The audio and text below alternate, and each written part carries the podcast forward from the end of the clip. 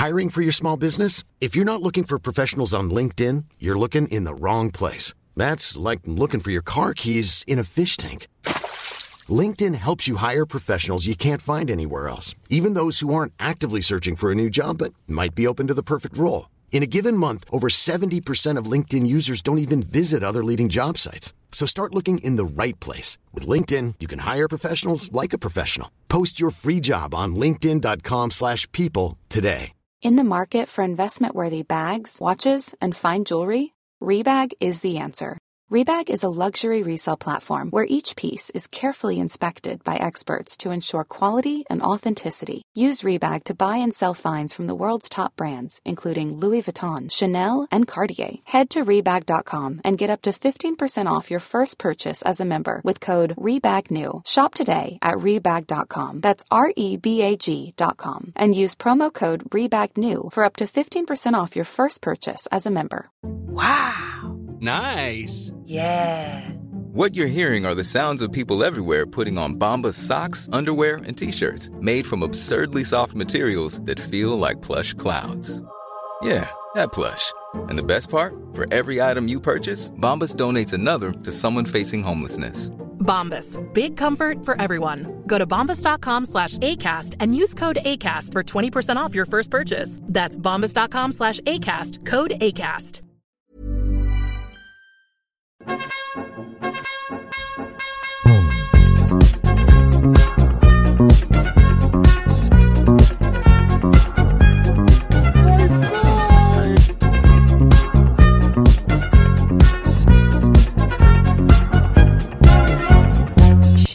mugglare ute i höstmörkret.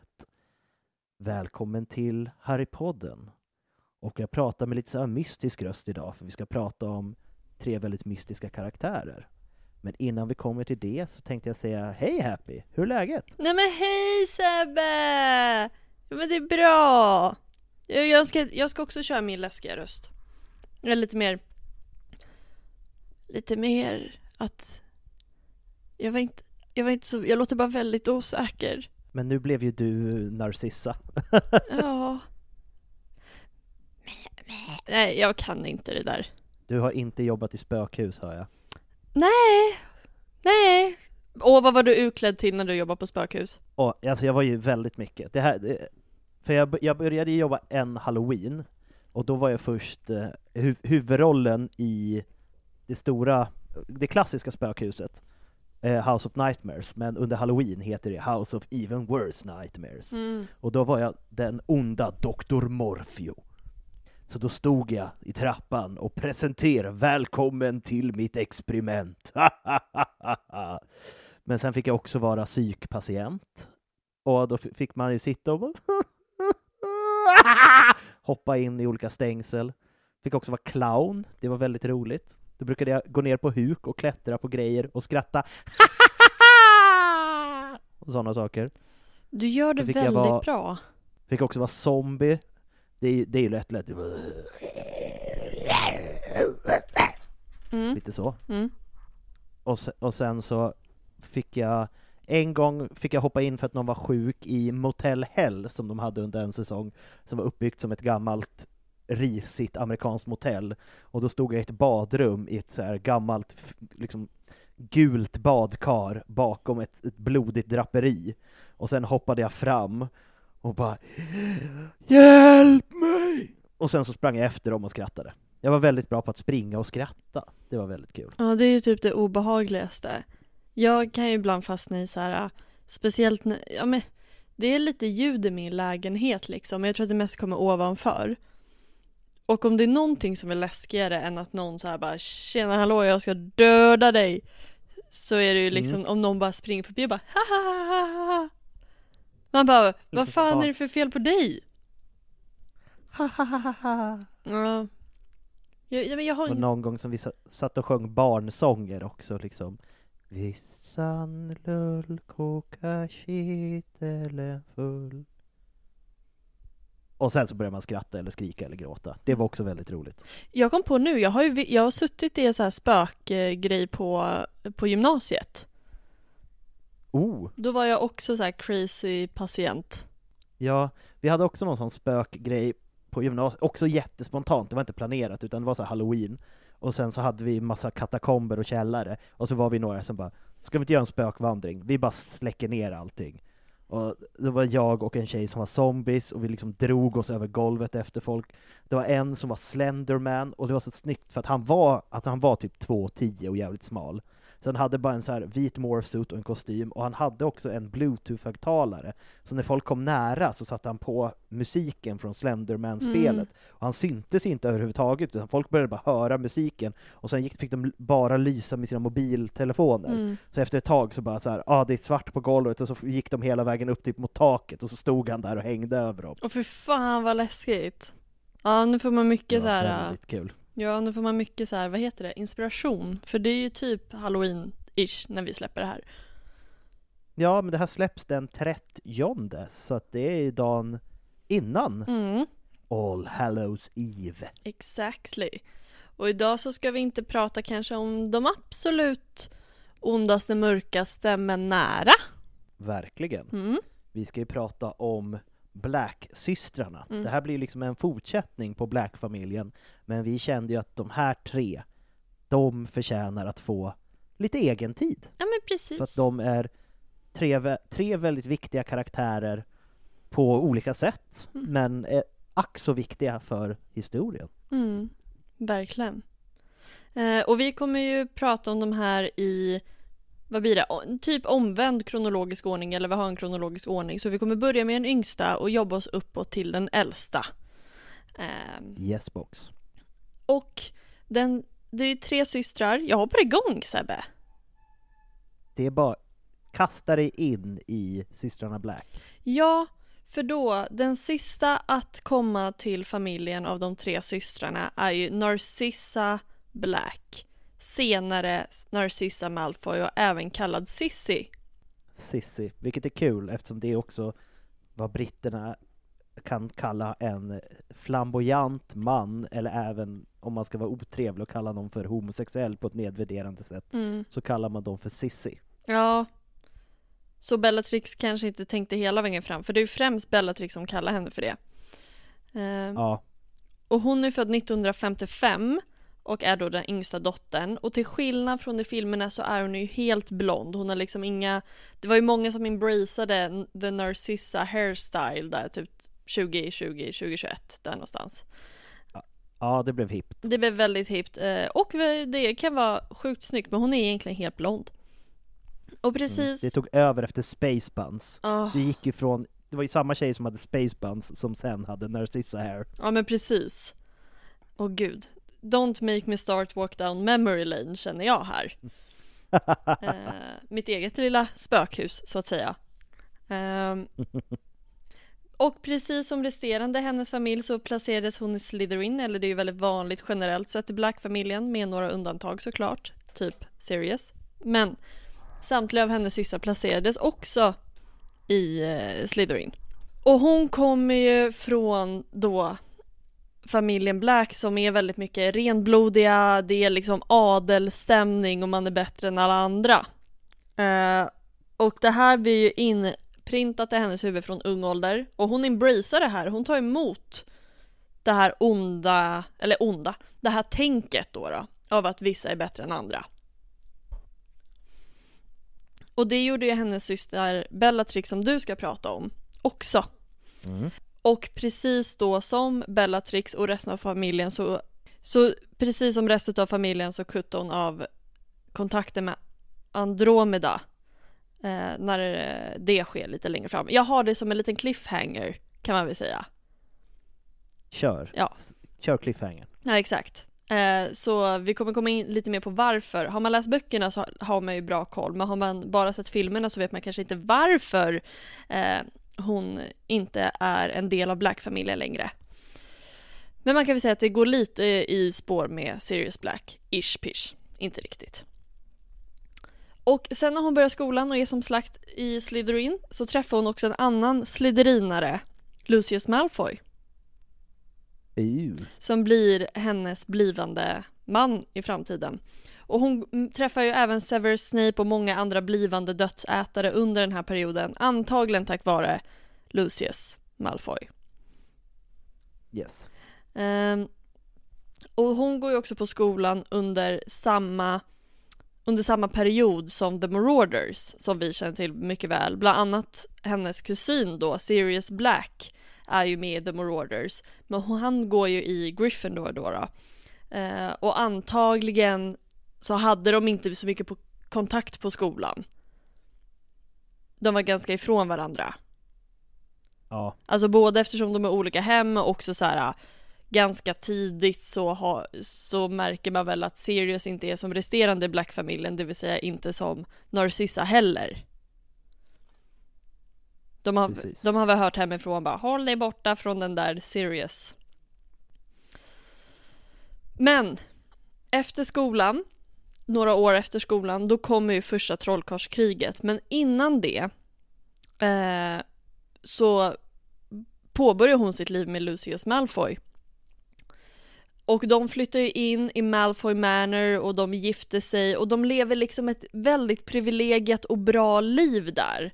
Eh, jag tycker att scensättningen och skapandet av Malfoy Manor i filmerna är väldigt spot on. men verkligen. Alltså det nämns ju i, i böckerna, men man, det nämns inte riktigt i filmerna, att Lucius är så rik, han jobbar ju inte. Alltså han, han drar runt och liksom håller på med typ lobbying för white, eller pure blood supremacy genom Mm. att typ så snacka med olika ministerietrollkarlar. Men han har inget jobb, han behöver inte ha ett jobb och antagligen inte hon heller. Nej men precis. Ehm, så man kan väl säga att de har, de hade tid för en hobby va?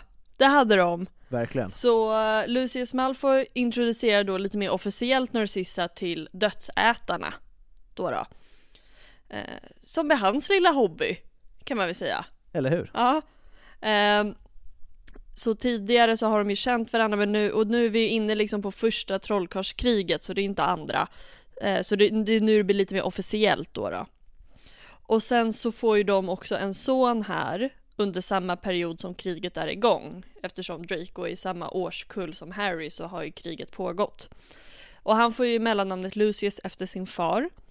Och Narcissa bestämde namnet Draco för att hon ville fortsätta hennes familjs namngivning att det skulle vara efter så här stjärnor och stjärntecken Bilder. och Ja. stjärnbilder.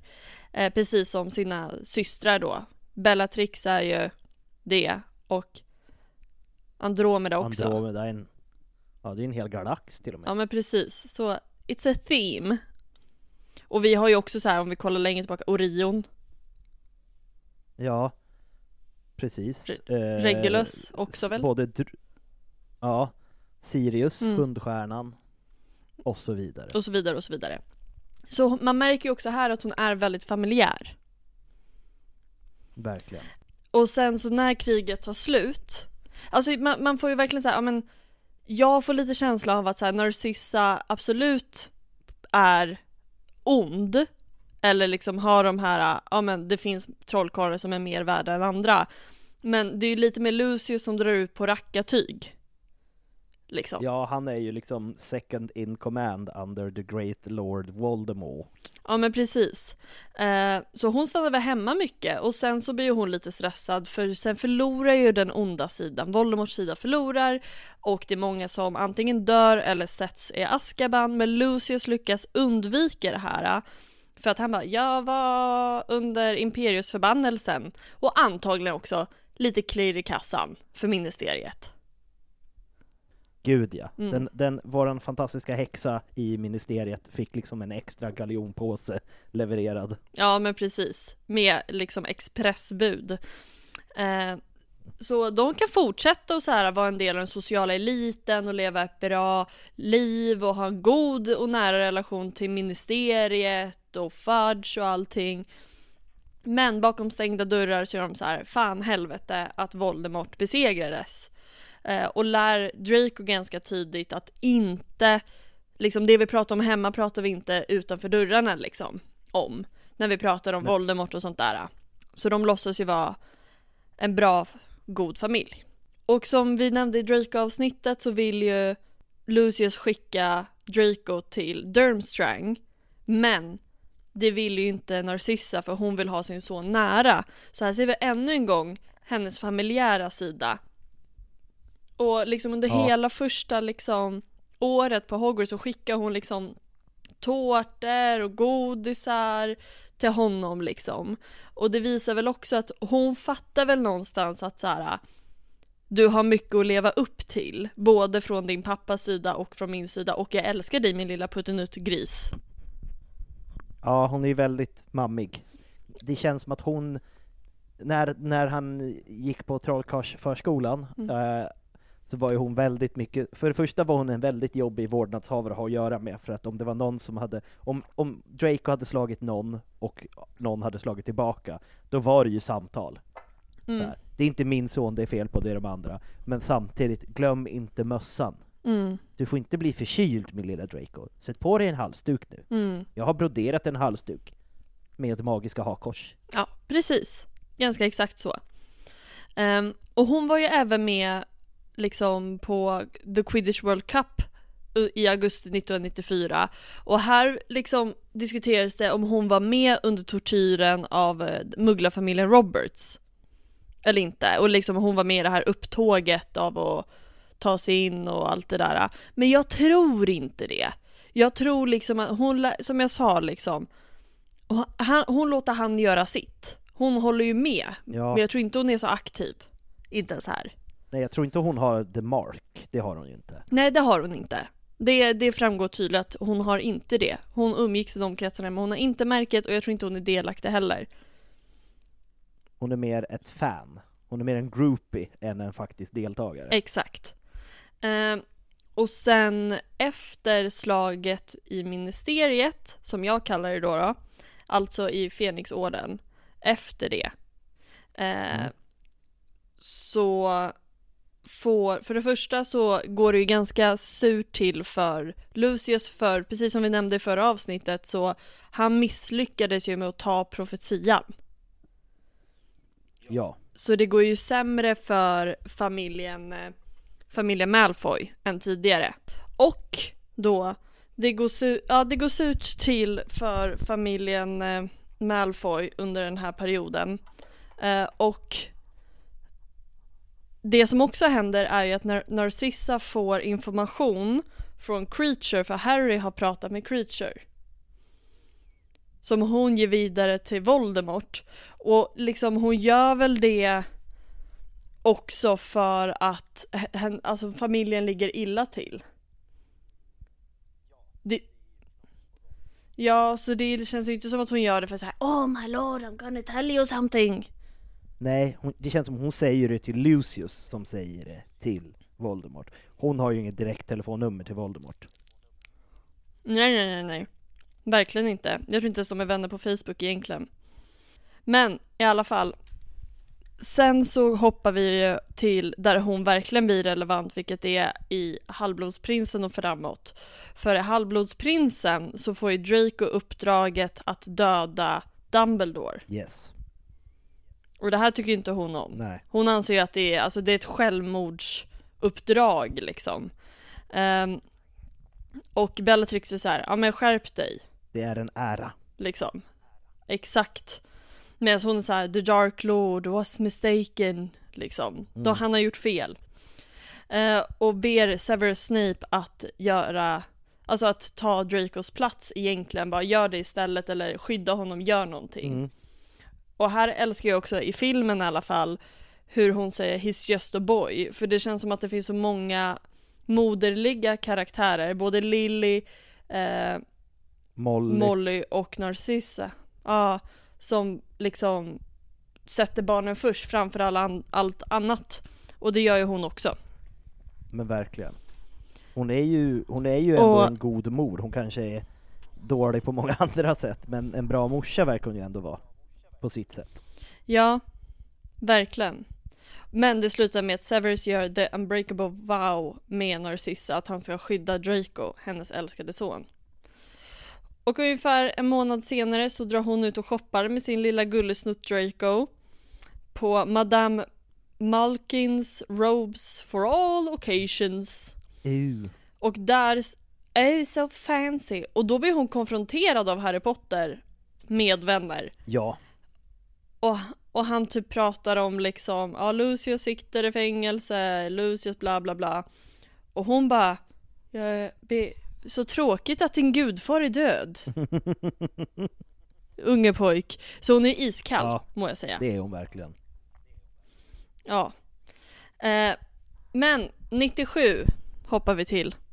För det är nu också som Voldemort bara, jag har en idé. Vi, vi chillar fett på Malfoy Manor. Ja, nya headquarters. Ah.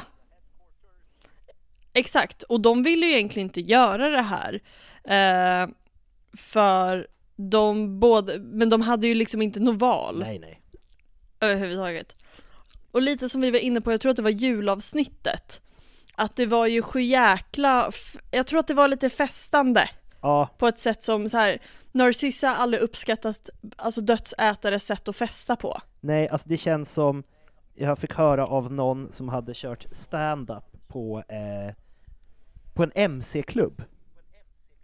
Mhm. Och att det var så här, det var jättegod stämning, alla var jättetrevliga. Sen började de dricka och det blev hotfullt. Och det känns som att det kan vara så hos dödsätarna också. Att de är lite sköna och hänger med varandra, men sen börjar de dricka och då börjar det bli riktigt obehaglig stämning och liksom Mm. börja med det här uh, obehagliga snacket. Och sen så helt plötsligt så bara flyger ett glas och någon drar fram sin trollstav och bara så här, vad sa du? Lite så. Mm. Ja men precis. Så utöver det att de lever liksom, jag skulle säga att de typ lever under hot fast indirekta hot Mm. och allt det här. Så är det ju också det, Voldemort bara, Lucius kasta i trollstaven, jag behöver den. Ja, Och Narcissa tänker på så här. Alltså har man inte sin egen trollstav så kanske man inte är lika stark. nej. Så hon blir väldigt orolig för hans skull. Och rör hans hand Mm. efter att han har gett bort den. Så jag tror, att, jag tror också love language, physical touch och sen gifts. 100%. Ja. Ehm, och det betyder att han inte har, för sen går ju den här trollstaven sönder i slaget av de sju eh, Harry Potterarna. Det låter Mm. så dåligt på svenska. Battle of the Seven Hogwarts, Seven Potters menar jag. Jag gillar ändå, ändå Google Translating, slaget om de sju krukmakarna. Love it. Ehm, och det betyder att han inte har någon trollstav, alltså han får inte tillbaka den. Nej, Så det gör henne orolig. tur att de har cash. Exactly. Eller hur? Varför gick de inte och köpte nya? I och för sig, alla, alla är ju döda typ. Ja, Eller borta. De har, ju också, de har ju också själva kidnappat Ollivander. Alltså, Ollivander är ju Ja. deras källare. Så det är så här, Ja, jo det är sant. han kanske inte är jättesugen på bara, kan du bygga en trollstav nu? Så bara, nej. Ja men stelt att komma ner och bara Tror att du kan kirra det här? Liksom. Apropå tortyr, eh, jag skulle behöva en trollstav, är det något du skulle kunna lösa? Vi kan, vi kan skicka, vi kan skicka, vad heter det, slingersvans och hämta dina grejer. Nej just det, vi brände ner din butik. Eh, ja, det blir tight. Har, har du, vad heter det han, vad heter den andra, Gregorovic, har du hans nummer eller? Jag bara, aha, Voldem Voldemort har hunnit dit redan. Ah, Fan! typiskt. Fan. Ja, det blir lite svårt för mig att tortera dig nu när är inte, du vägrar göra en trollstav åt mig. Man får gå, får gå på fysiskt våld. Börja slå honom. Ja, Med precis. sina delicate adliga känns- händer. Det känns som att, det känns som att Ja, Lucius har lite för lena händer. Det är inga arbetarklassvalkar i dem. Det är, det är Nej, lotion. nej, nej. Alltså jag... Ja, men jag tror att det, han kan ju inte slåss. Mm, Han kan ju inte. nej. Men nog om det. För sen kommer vi ju se den här härliga delen när Harry, Ron och Hermione blir fångade av de här snatchersarna och blir taget till Malfoy Manor. Och Narcissa ville ju, var ju lite tveksam till att släppa in dem men bara Ja, kom in då. Och ber då Draco att identifiera dem att är det här Harry Potter eller inte för vi kan inte kalla hit Voldemort för han, han har lite fullt upp va? Ja, han, Eh, han känns som att han inte gillar att bra. bli ringd i onödan heller. Nej gud nej, han är en sms-kille. Ja. Möjligen Snapchat. nej, men... Ehm, nej, och ber då, hon, för hon känner igen Hermione från när Harry gick upp till henne och bara haha din man sitter i fängelse. Mm. Då, då eh, känner hon igen Hermione från det tillfället. Ehm, och sen så blir det typ bråk mellan henne och Bellatrix och Narcissa bara, men hallå det är jag som bor här. Mm, chilla. Liksom, chilla. Och det är liksom mina fångar som sitter i min källare. Eh, och sådär. Så det blev, blev lite dålig stämning där. Men, och då lyckades ju alla fly. Och sen så, men! Innan verkligen alla, alla hinner fly så blir det en kort duell. Vilket vi alla känner till. Ja. Där Narcissa, Bellatrix, Draco, Dobby är med, Harry är med, liksom gänget är med va? Ja. Eh, och Narcissa bara typ står och gapar mot Dobby som faktiskt går emot sin gamla familj. Det är inte okej. Lätt att glömma. Nej, så jag tror att hon gör inte sin bästa magi där. Nej. Eh, men också att sen när eh, alla fångar lyckas fly till eh, snäckstugan. Shell Cottage. Yes. Eh, och Voldemort är så hård mot Malfoy-familjen, men inte så mycket mot Bellatrix. Han vet så här. jag vet tjejen, du hade klarat det här om det inte var för dem. Eller hur? De pajade ett game. Eh, precis. Och sen när de är på Battle of Hogwarts eh, så har Narcissa gett Draco, för Draco Dracos trollstav är ju också typ hos Harry. Alltså det är lite snurrigt för att alla trollstavar tar vägen. Det är värre än memory Ja. det här. Eh, så hon ger Draco sin trollstav. Så både Lucius och hon själv går utan sina egna trollstavar. Jag tror att de har lånetrollstavar. Ja, det känns som att det finns ett gäng. Snatchersarna tar ju alla trollstavar, så det känns som att de har en låda med mugglarföddas trollstavar hemma. Ja men precis. Eh, men där visar ju också på hur mycket hon uppoffrar sig själv för sin son ännu en gång. Mm. Eh, och sen vi, efter Harry blir, eh, går till The Forbidden Forest och bara nu ska jag dö, jag fattar grejen nu. Eller hur? Så ber Voldemort någon att gå fram och titta och se om han faktiskt är död. Vilket jag tycker är ett så här fegis move. Ja, god- Du har gjort den farligaste och dödligaste liksom trollformen som finns men du vill att någon ska gå fram och kolla. Men jag fattar det, man blir ju lite osäker bara. Okej, jag har försökt döda den här, det här barnet nu i liksom flera år. Mm. Första gången gick det inte, alla andra gånger har det gått åt helvete. Nu, så här bara, kan, kan någon dubb... Jag blir lite osäker på mig, för jag trodde att jag har lyckats tidigare. Kan någon bara dubbelkolla? För att jag, jag är lite slarvig med sånt. Alltså det, jag önskar att han hade sagt exakt det där, för mitt första är ju så här, men gå fram och kolla själv. Men hade han sagt exakt det du sa, då hade jag bara respekt. Bara jag litar inte på min egen kompetens. Det skulle han dock aldrig säga, Eh. Voldy. Nej men precis, utan han bara gå fram och titta. Ehm, men då ser ju Narcissa sin chans att se vad som har hänt med hennes egen son. Mm. För de har ju inte liksom sprungit på varandra. Nej. Så, så, när de är där på Hogwarts.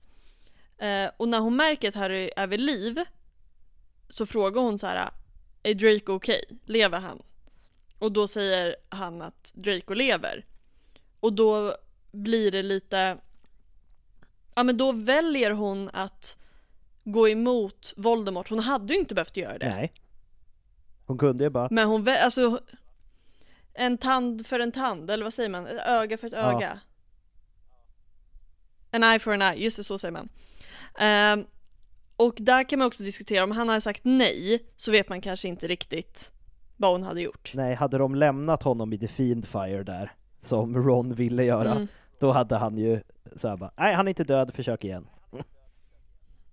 Ja Nej så det, det, det vet vi inte Jag kan tänka mig också att om han, hon hade fått veta så här, ja ah, nej Draco är död Mm.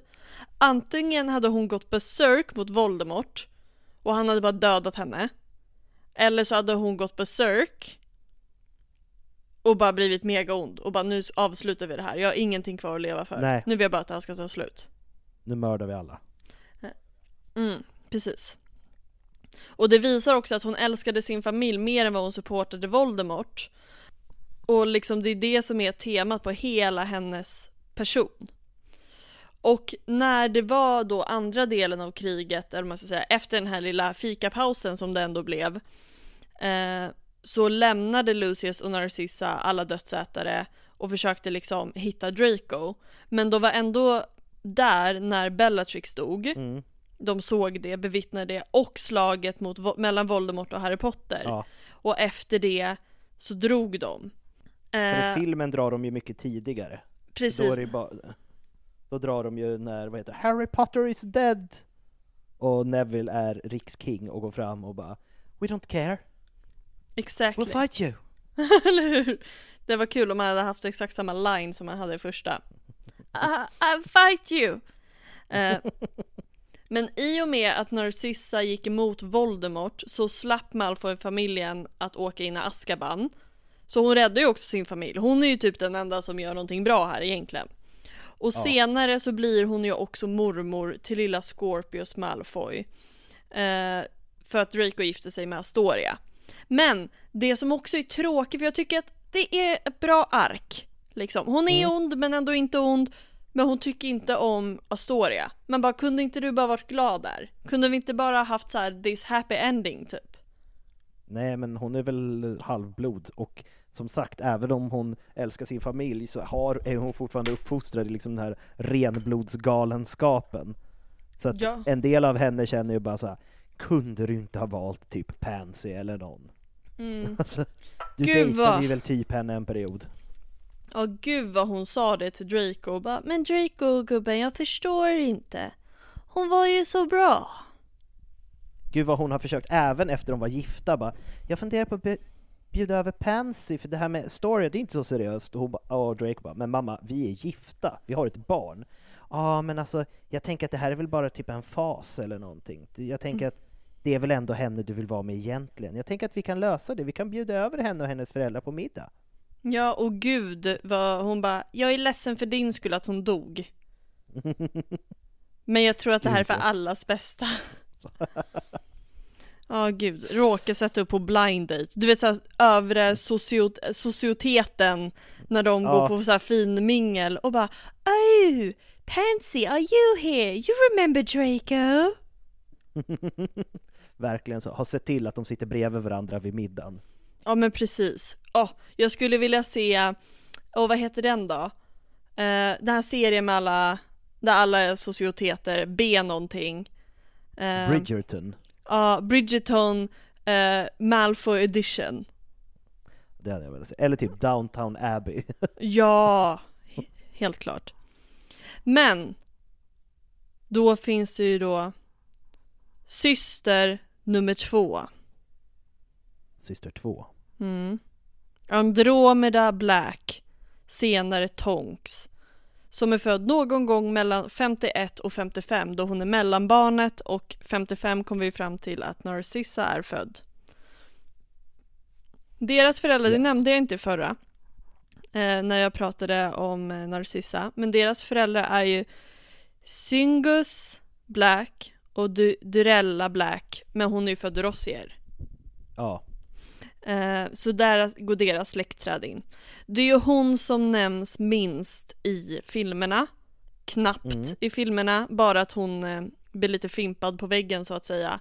Eh, i, Bla- I Blackhuset, men annars så nämns hon ju inte. Men i böckerna är hon återkommande, man får till och med träffa henne.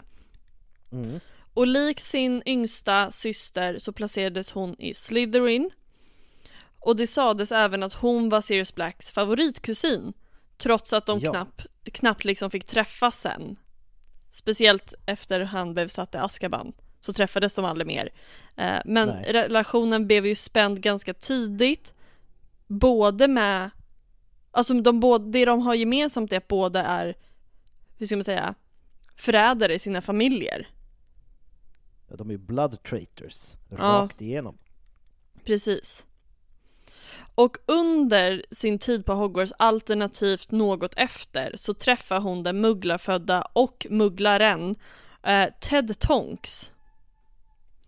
Eh, och där brändes hon bort från go- gobelängen på Grimaldiplan 12 av Mm. eh, Valburga Black. Yes. D- Serious mamma. Exakt. Alltså ändå så här. Valpurga, eller Valburga blir ju väldigt arg på liksom Alltså ganska många steg i familjesläkten. Men det känns som att hon är väl typ matriarken, alltså det är väl hon Mm. som bestämmer. Det är, det är hon och Orion som är liksom de coola liksom familjeöverhuvudena. Ja, jo men det är sant. Eh, så där sa hon nej tack till, till henne. Och det, sägs också, om vi håller oss kvar lite, för hon gifte sig ju med Tonks. Men också Mm. vill jag kommentera, i och med att vi pratar om hennes skolgång, att hon antagligen var väldigt bra på troll, alltså charms. I och med Mm. att hon städade väldigt mycket och då använde magi. Alltså hon trollade väldigt mycket inom hushållet. Så kan man gissa att hon var bra på det. Även ehm, Defense Against the Dark Arts i och med att hon senare i livet i alla fall blir torterad men lyckas liksom streta emot lite. Eller Ja. vad man ska säga. Så det är de slutsatserna man kan dra av henne. Ready to pop the question? The jewelers at BlueNile.com have got sparkle down to a science with beautiful lab grown diamonds worthy of your most brilliant moments. Their lab grown diamonds are independently graded and guaranteed identical to natural diamonds, and they're ready to ship to your door. Go to BlueNile.com and use promo code LISTEN to get $50 off your purchase of $500 or more. That's code LISTEN at BlueNile.com for $50 off. BlueNile.com code LISTEN. Millions of people have lost weight with personalized plans from Noom, like Evan, who can't stand salads and still lost 50 pounds. Salads, generally, for most people, are the easy button, right? For me, that wasn't an option. I never really was a salad guy. That's just not who I am. But Noom worked for me. Get your personalized plan today at Noom.com. Real Noom user compensated to provide their story. In four weeks, the typical Noom user can expect to lose one to two pounds per week. Individual results may vary. Eh, under sin skolgång. Och ungefär när hon var i 20-årsåldern, 1973, så får, efter de har gift sig, så får Andromeda och Ted ett barn, och de har ju bara ett barn, och det är Ny- Nymfadora Tonks. Och det var eh, Andromeda som valde första namnet, alltså hennes förnamn. Och Nymfadora Tonks hatar sitt förnamn, så hon säger bara Tonks. Eh, men hon blir ändå även refererad till som Dora av Ted, Remus Lupin och Andromeda bland annat. Så hon fick sin nymfadora men var ändå fi- fine med Dora. Mm.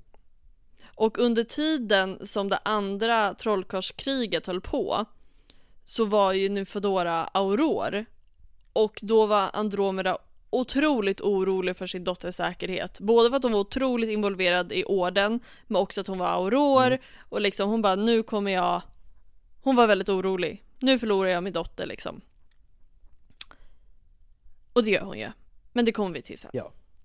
Yes. För 1997, s- året då jag föddes, så är ju The Battle of the Seven Potters, eller slaget om de sju krukmakarna.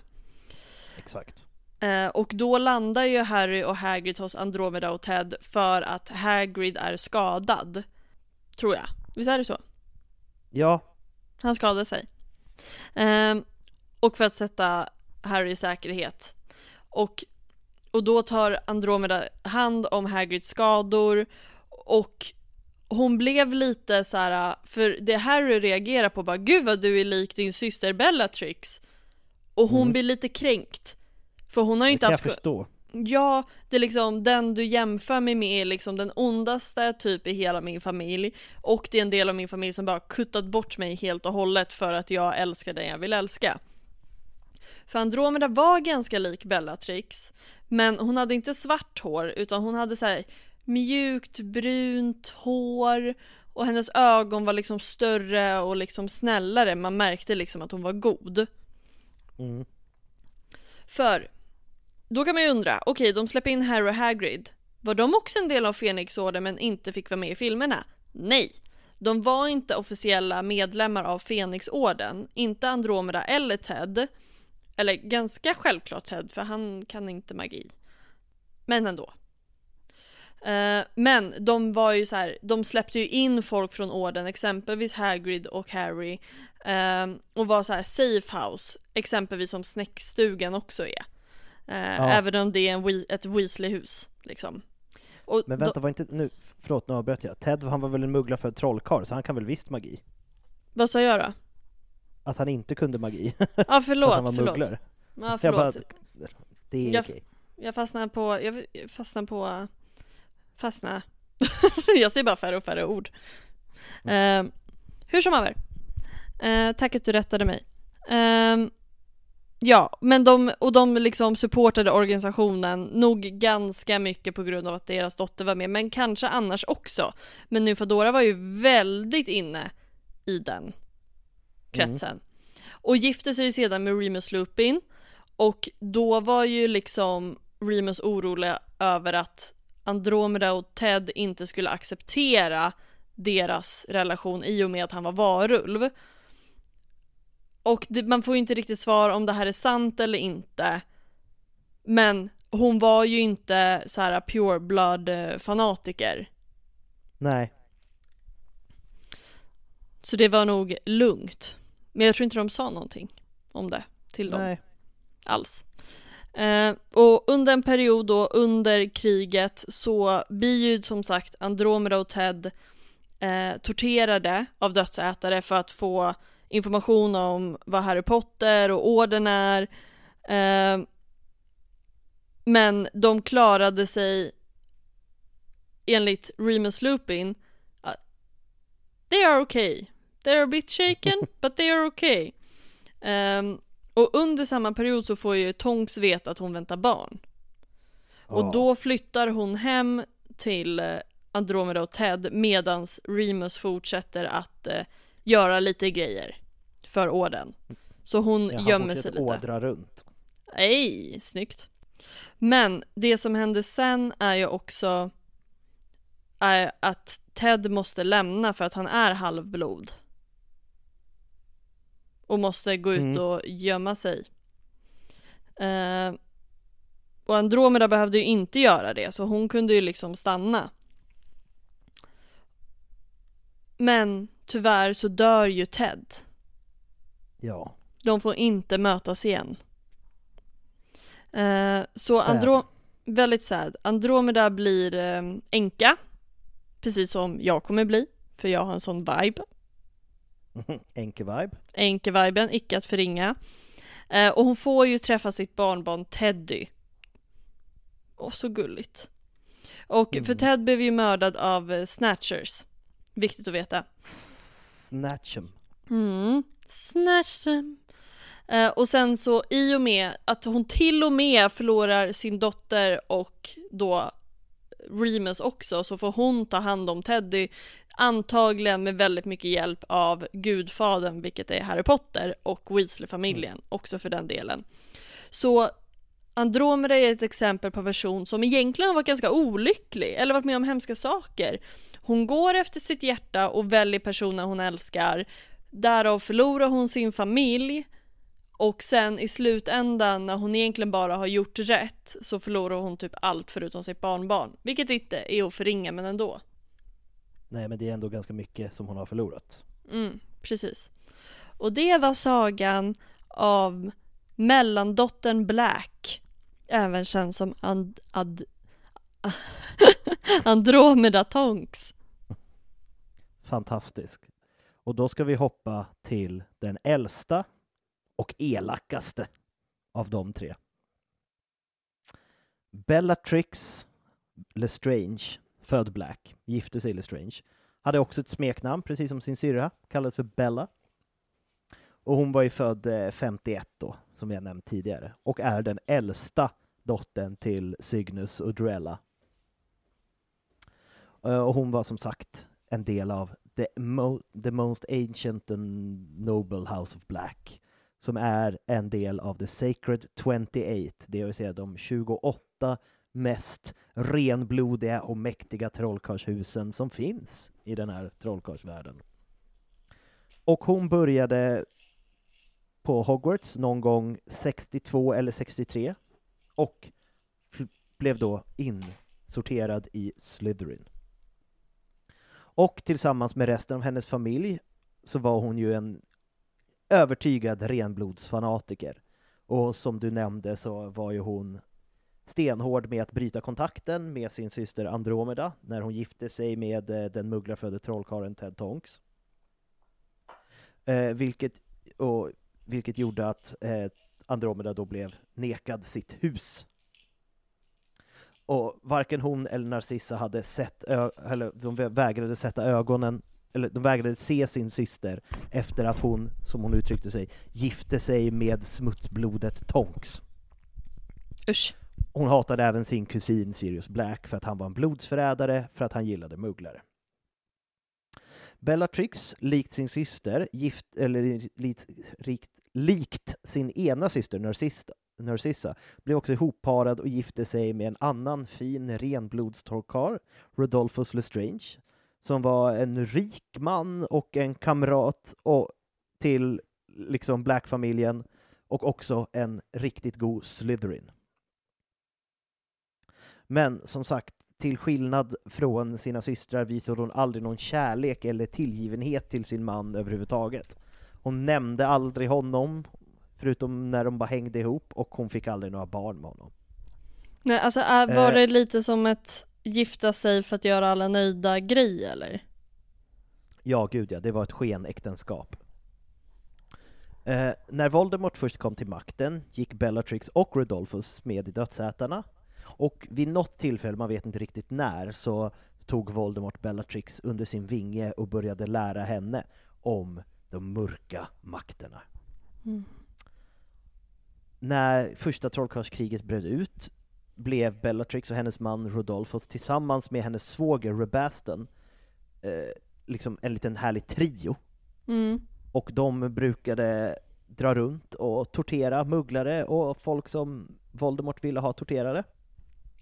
Och de, de var ju några av dem som fortsatte vara lojala till Voldemort även efter Harry Potter hade dödat Voldemort. Mm.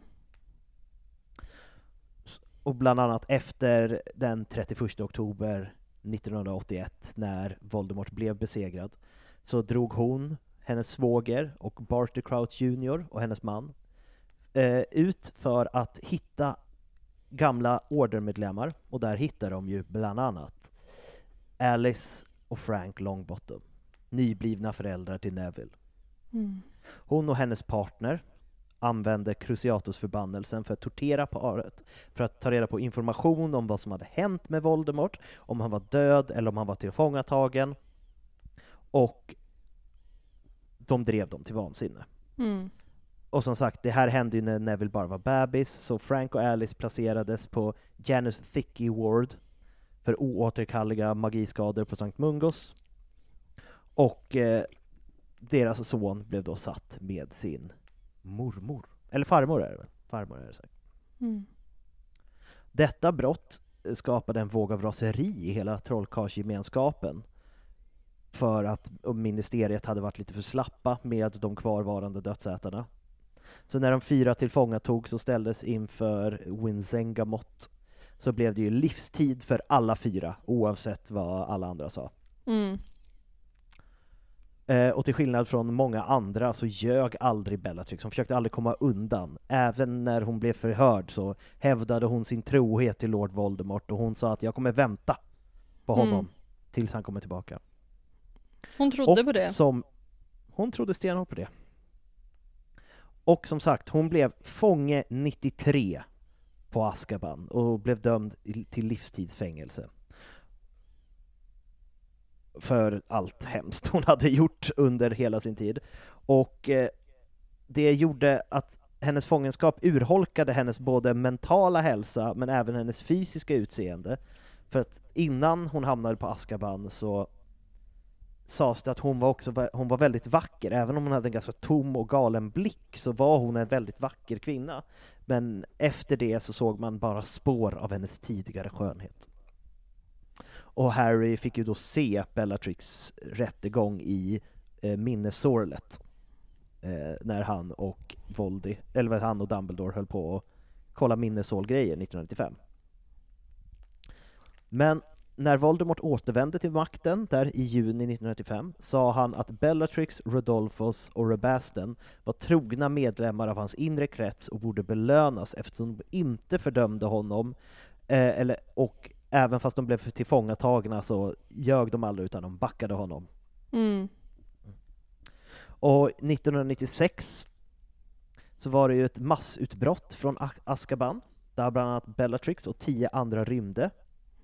Och det här var ju under tiden när eh, ministeriet inte riktigt trodde på det här, så att de, de skrev att det var hennes kusin, Sirius Black, som hade hjälpt henne och de tio att fly. Mm. Och senare samma år så var Bellatrix med sina här, sitt härliga radarpar Rodolphus och Robaston med, med den grupp ledd av Lucius Malfoy i Mysteriedepartementet, där de skulle Mm. stjäla profetian. Hon blev också arg när Harry uttalade Voldemorts förnamn, alltså kallade honom Tom, och nämnde hans status som halvblod. Då tappade hon det lite. Mm. Och det gjorde, honom, eller gjorde henne så arg att hon var nära på att liksom stun him när han höll i profetian. Och Lucius blev då arg på henne. Ja. Hon har inte så bra Eh, koll på sina känslor. Nej, det har han inte. Och hon var väldigt otrevlig mot alla sex eh, DA-medlemmar som var där. Och hon försökte hämta profetian via en liksom en Accio Mm. Eh, men hennes, eh, vad heter det, det stoppades av Harry för att han gjorde en shield charm. Men Snyggt. man märkte verkligen att hon var, gjorde, ville göra vad som helst för att få den här profetian till Voldy. Och hon torterade ju bland annat Ginny Weasley med en Cruciatus förbannelse. Och fick Harry att titta på för att han skulle ge upp. Fy fan. Men sen så kommer ju Fenixorden och då duellerade Bellatrix och besegrade Nymfadora Tonks, sin egen systerdotter. Hon började sedan slåss med sin kusin Sirius Black, som fortsatte att håna henne under loppet av deras duell, men hon slog honom sedan med en, med en besvärjelse som skickade honom in genom slöjan och dödade honom.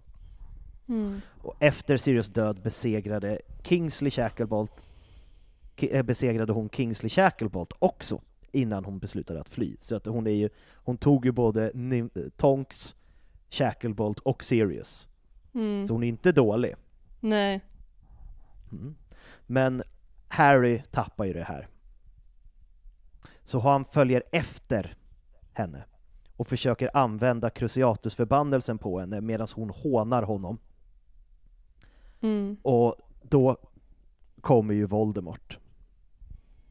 Och när Harry insåg att Voldemort verkligen var där vädjade Bellatrix till honom att inte bli straffad och försökte förvarna honom att Dumbledore var i närheten, men han ignorerade henne och koncentrerade sig på att försöka döda Harry.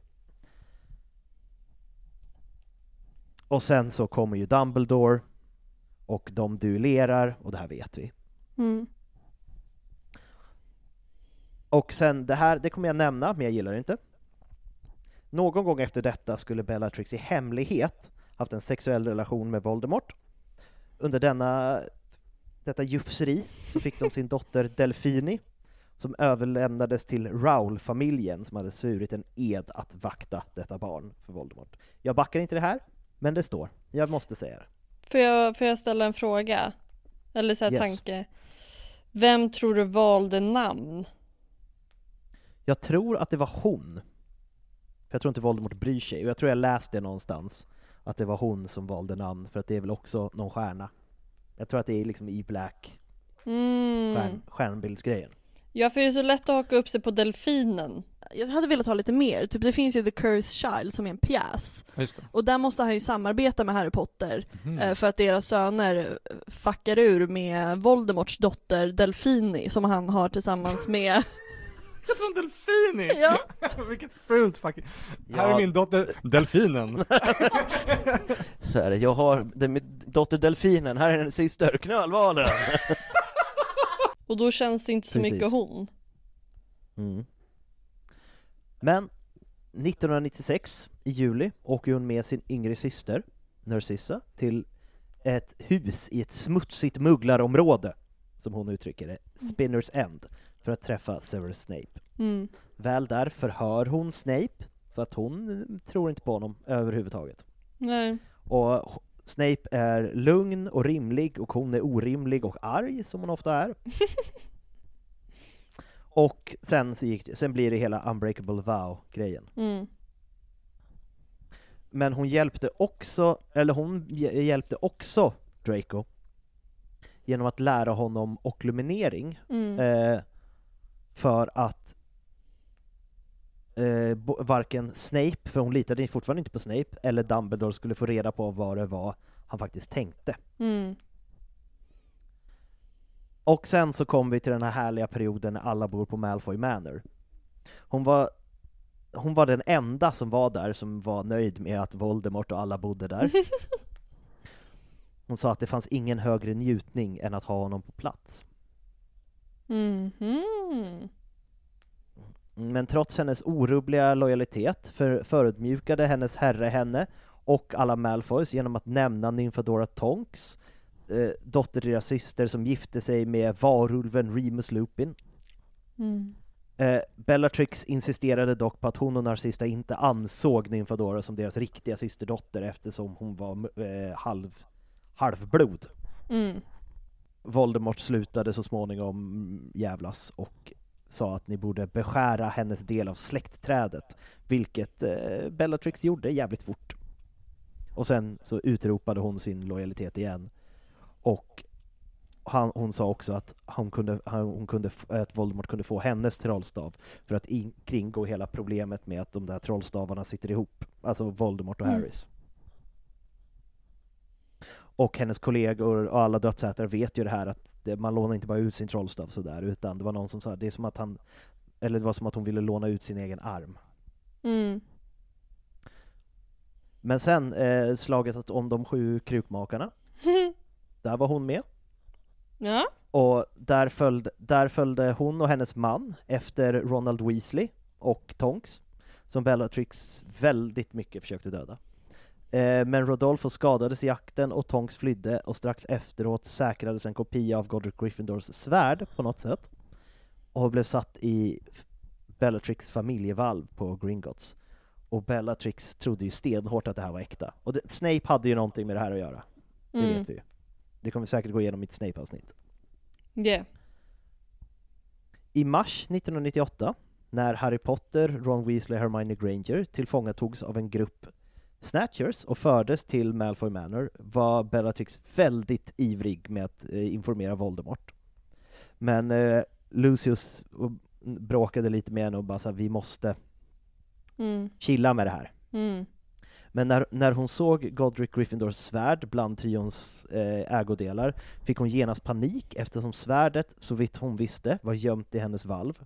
Mm. Eh, detta fick Harry att dra slutsatsen att det kunde finnas något av stor betydelse i hennes valv. Mm. Och det var ju då Helga Hufflepuffs kopp. Eller Mm. kapp, vad säger man? Bägare. Mm. Eh, och Bellatrix som fick lite panik. Hon lugnade sig och beordrade snatchen som höll i svärdet att lämna över till henne. Och mannen ville inte så hon stupefy. Som man gör.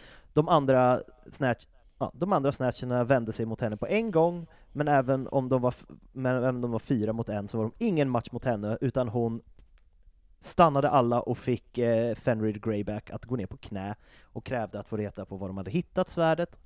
Han informerade henne om att svärdet hittades hos trion, och hon tog sedan hand om situationen genom att tortera Hermione för att avslöja hur de hade fått svärdet, och krävde resten av fångarna att resten av fångarna skulle föras ner i källaren samtidigt som hon beordrade dem att eh, att vad heter det, de vad heter det, lamslagna snatchersarna skulle bara ut på Mm. gården, hon ville inte se dem. Mm. Och att hon skulle ta hand om dem personligen sen. Mm. Bellatrix fortsatte att eh, tortera Hermione med både Cruciatusförbannelsen och kniv och frågade henne gång på gång vart hon hade fått svärdet. Eh, Men även i extrem smärta lyckades Hermione ljuga och hävda att det riktiga svärdet bara var en kopia, alltså det svärdet de hade Mm. var en kopia, hennes var det riktiga. Mm. Bellatrix, Bellatrix tvivlade dock på detta påstående, vilket ledde Lucius till att föreslå att, Har- att Draco skulle hämta Griphook, Mm. som också var fånge i källaren, för att berätta om svärdet var falskt eller inte. Mm. Griphook lyckades också ljuga eh, och för att Harry hade bett honom om det. Mm. Och sen så skickas ju Peter Pettigrew ner, han stryps av sin egen hand, och sen så lyckas de fly. Bellatrix hotar Hermione med sin kniv efter att Harry har lamslagit Greyback och Lucius och Lucius och Ron har avväpnat henne. Men hon höll sin kniv mot den medvetslösa Hermiones hals Mm. och krävde att fångarna skulle släppa sina trollstavar. Men då kommer ju Dobby Kingen. och, och ställer sig upp mot sin tidigare mästare och tar sig därifrån. Men hon kastar kniven och den träffar Dobby och Dobby dör. Mm. Och som sagt, Bellatrix och hennes släktingar blev ju, eller mest hennes släktingar, blev ju straffade ganska hårt för att de lät Harry fly. Men som tur var, under hela den här tortyrepisoden så lyckas ju Hermione få ett av Bellatrix hår och lyckas ta sig in i hennes valv, Mm. utklädd till henne. Vilket också är en fantastisk scen i filmerna, när liksom Helena Bonham Carter ska spela Emma Watson som spelar Bellatrix Lestrange. Fantastiskt. Men under slaget om Hogwarts i maj 1998 lyckas Nymfadora äntligen mörda Nymfadora Tonks. Som hon har längtat. Hennes smutsblods eh, systerdotter. Och när de retirerar, för att Voldemort ska tillbaka till skogen, väntade hon vid hans sida och erbjöd hjälp när han blev omtumlad efter att han har skickat den dödande förbannelsen på Harry. Och Bellatrix frågade ivrigt om hon kunde kontrollera om det var, om, det var om Harry levde, men fick avslag och skickade istället sin syster. Och som sagt, Narcissa ljuger. Och sen så, som sagt, de hade en liten fikapaus där som du uttryckte det. Sen börjar ju stridigheterna igen. Och då slåss hon mot Hermione Granger, Ginny Weasley och Luna Lovegood på en gång. Och efter att ha blivit, efter det är så många dödsätare som har dött, det är så många som har dragit, men hon vägrar ge upp. Eh, och de, de här tre lyckas, de övermannar ju inte henne, men de lyckas ändå hålla henne borta. Mm. Eh, hon kastade en dödande förbannelse på Ginny, som knappt, som missade med en liten tum. Mm. Och han, det här såg ju Harry, som var under osynlighetsmanteln, som var...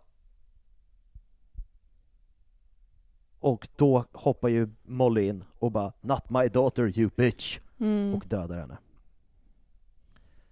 För hon är helt förtvivlad för att hon har förlorat en son och liksom så här, hon bara ”Inte ett barn till”. Mm. Så de duellerar häftigt. I, i, i, I filmen är det bara en, men de duellerar på länge. Och hon säger någonting om hennes döda son, och då tappar hon det, och bara puff, Mm. förbannelse rakt i bröstet. Mm. Och också så här kul grej, att när Voldemort blir upprörd av att Bellatrix dör, Mhm. det är ändå lite fint. Ja. Men också bara så här konstigt, alltså, Bellatrix levde inte för att få reda på att hennes misstro mot Snape var giltig. Den känns ganska bra. Ja. Eh, det är okänt vad som hände med hennes kropp. Men det är möjligt att hon kremi- eh, vad heter det, inte begravdes i Storbritannien, utan att de på något sätt lyckades få hennes kropp att skickas till Frankrike och begravas på ett mausoleum i Paris, där alla Lestrange är begravda. Aha, vad häftigt. Mm. Eh, om man går in lite på hennes namn, hennes namn är an- eh, sammanslagning av både latinska, franska och engelska. Bella på latin eh, betyder ju vacker, Mm. men det är också bellum betyder krig. Mm. Så att det är både vacker och krig, och trix är ett feminint suffix, så att därför är liksom den kvinnliga vackra krigaren Mm. är vad hennes bety- namn betyder. Och Lestrange, det, be- förstå mig, det är ju den märkliga. Mm. Och en liten fun fact, hon, om man kollar, hon gick i skolan samtidigt som Arthur och Molly, Mm. men också som Rita Skeeter.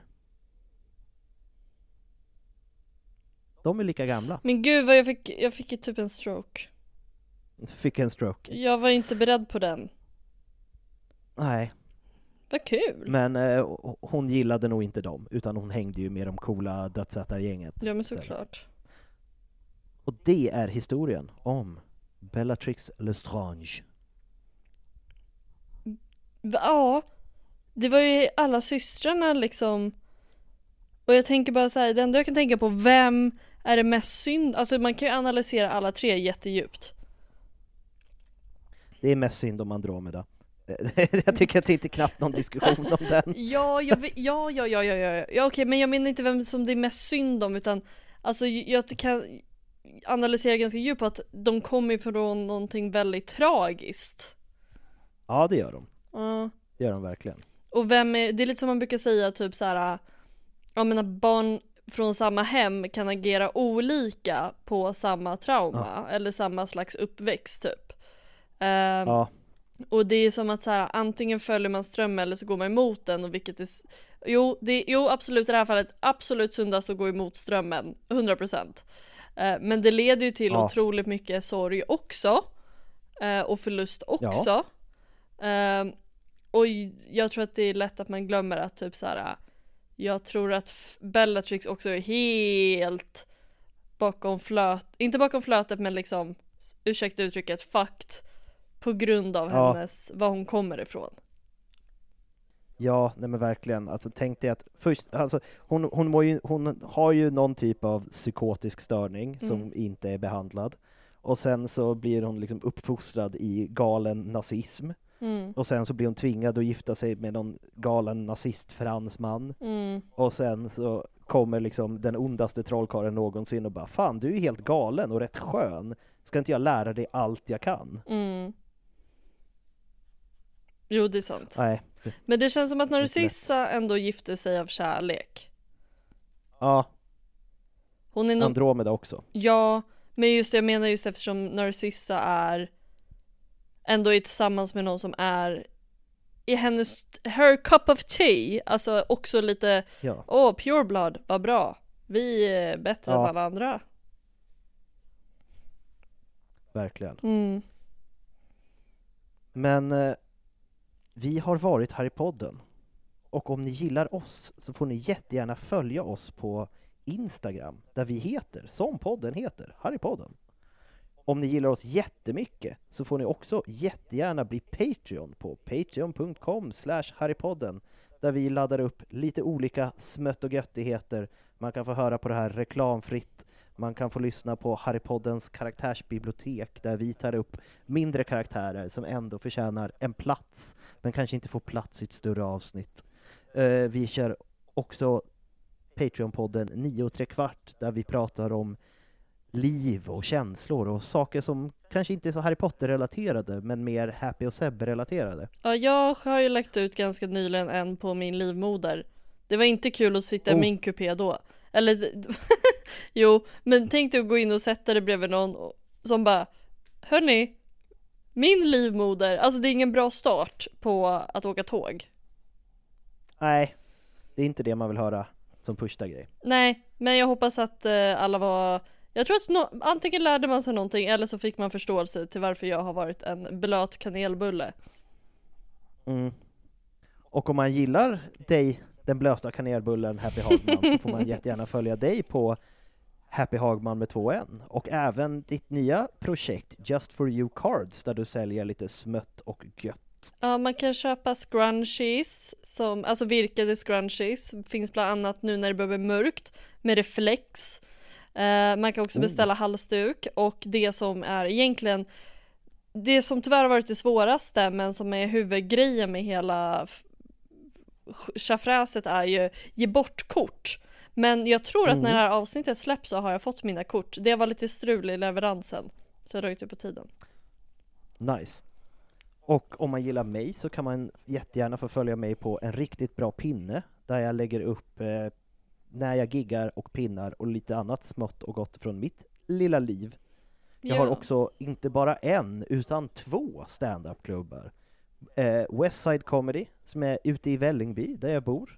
där vi en gång i veckan har en känd humorist eller komiker som står på scen och sen tre till fyra mindre kända humorister som också är jätteroliga och snickesnackar på. 100 spänn, jättevärt om man bor i närheten eller inte om man bara vägarna förbi. Och så har jag också Svartsnö ståuppklubb på Snövit på Södermalm där jag och mina kära komikerkollegor en gång i veckan testar nya skämt, eller gamla skämt, eller bara testar att stå på scen. Mycket nya komiker och rookies som kommer dit och även stora kända komiker som går dit för att liksom pröva nytt material. Så ni är jättevälkomna dit. Det är också 100% gratis. Jag älskar ju båda ställena, fast av olika, jag som komiker som inte äger det, på olika sätt. Alltså Westside är ju typ den snabbast växande Alltså standupklubben i Stockholm. Alltså det, ni får ju Mm. dit alla ni vill ha typ för det första.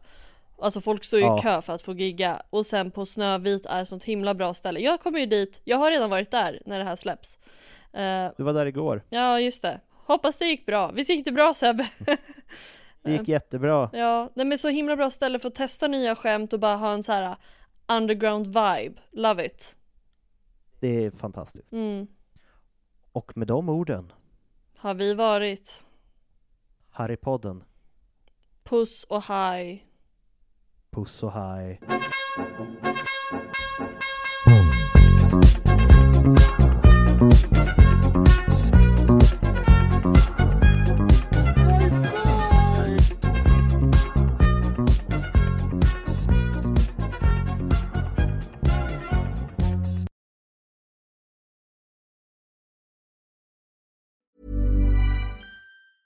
Planning for your next trip? Elevate your travel style with Quince. Quince has all the jet setting essentials you'll want for your next getaway, like European linen, premium luggage options, buttery soft Italian leather bags, and so much more. And is all priced at 50 to 80% less than similar brands. Plus, Quince only works with factories that use safe and ethical manufacturing practices. Pack your bags with high-quality essentials you'll be wearing for vacations to come with Quince. Go to quince.com slash pack for free shipping and 365-day returns.